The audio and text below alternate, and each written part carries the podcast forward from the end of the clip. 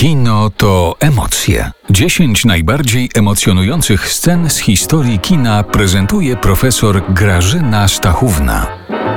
Psychoza, 1960 rok, Alfred Hitchcock. No cóż można wybrać z psychozy? Oczywiście sekwencję pod prysznicem, sekwencję zabójstwa Marion Crane, głównej bohaterki filmu, dokonanie przez jakąś tajemniczą kobietę pod prysznicem. Drodzy Państwo, Hitchcock nie tylko swoje filmy w sposób precyzyjny organizował, że one zawsze były tak układane, tak mówił, od trzęsienia ziemi, ale potem jeszcze więcej miało się nasilać emocji.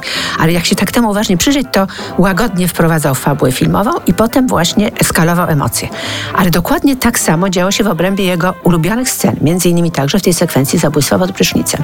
Bohaterka się rozbiera i naga wchodzi pod prysznic, zasuwa za sobą zasłonkę. Każdy z nas to robi.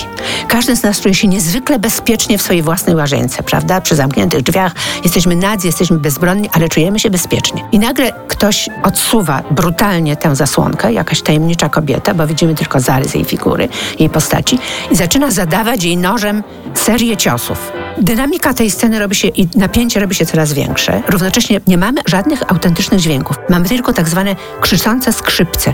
Bernard Herrmann, który napisał muzykę do tego filmu, zrobił to w sposób absolutnie doskonały. Skrzypce krzyczą. Skrzypce takie pociągnięciami ostrymi, prawda, dźwięków krzyczą za tę krzyczącą kobietę.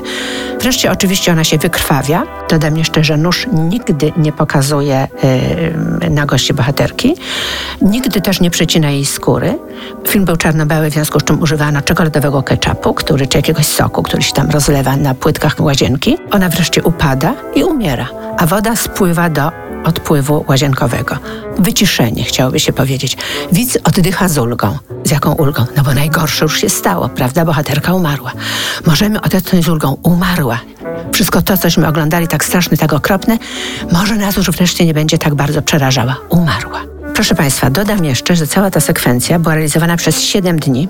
Zatrudniona została modelka, żeby nie nadużywać Janet Lee, aktorki, która grała tę rolę. Całość trwa około 125 sekund. Po zmontażu 45 ustawień kamery i 78 ujęć. Absolutny majstersztyk. Żeby jeszcze uzmysłowić Państwu, na czym to polega, na czym polega maestria i doskonałość talentu Hitchcocka, dodam, że w 1998 roku Gus Van Sant zrobił remake Psychozy i było to coś okropnego. Zarówno cały film, jak też i ta scena. Nie do uwierzenia, a on robił dokładnie ten sam scenariusz.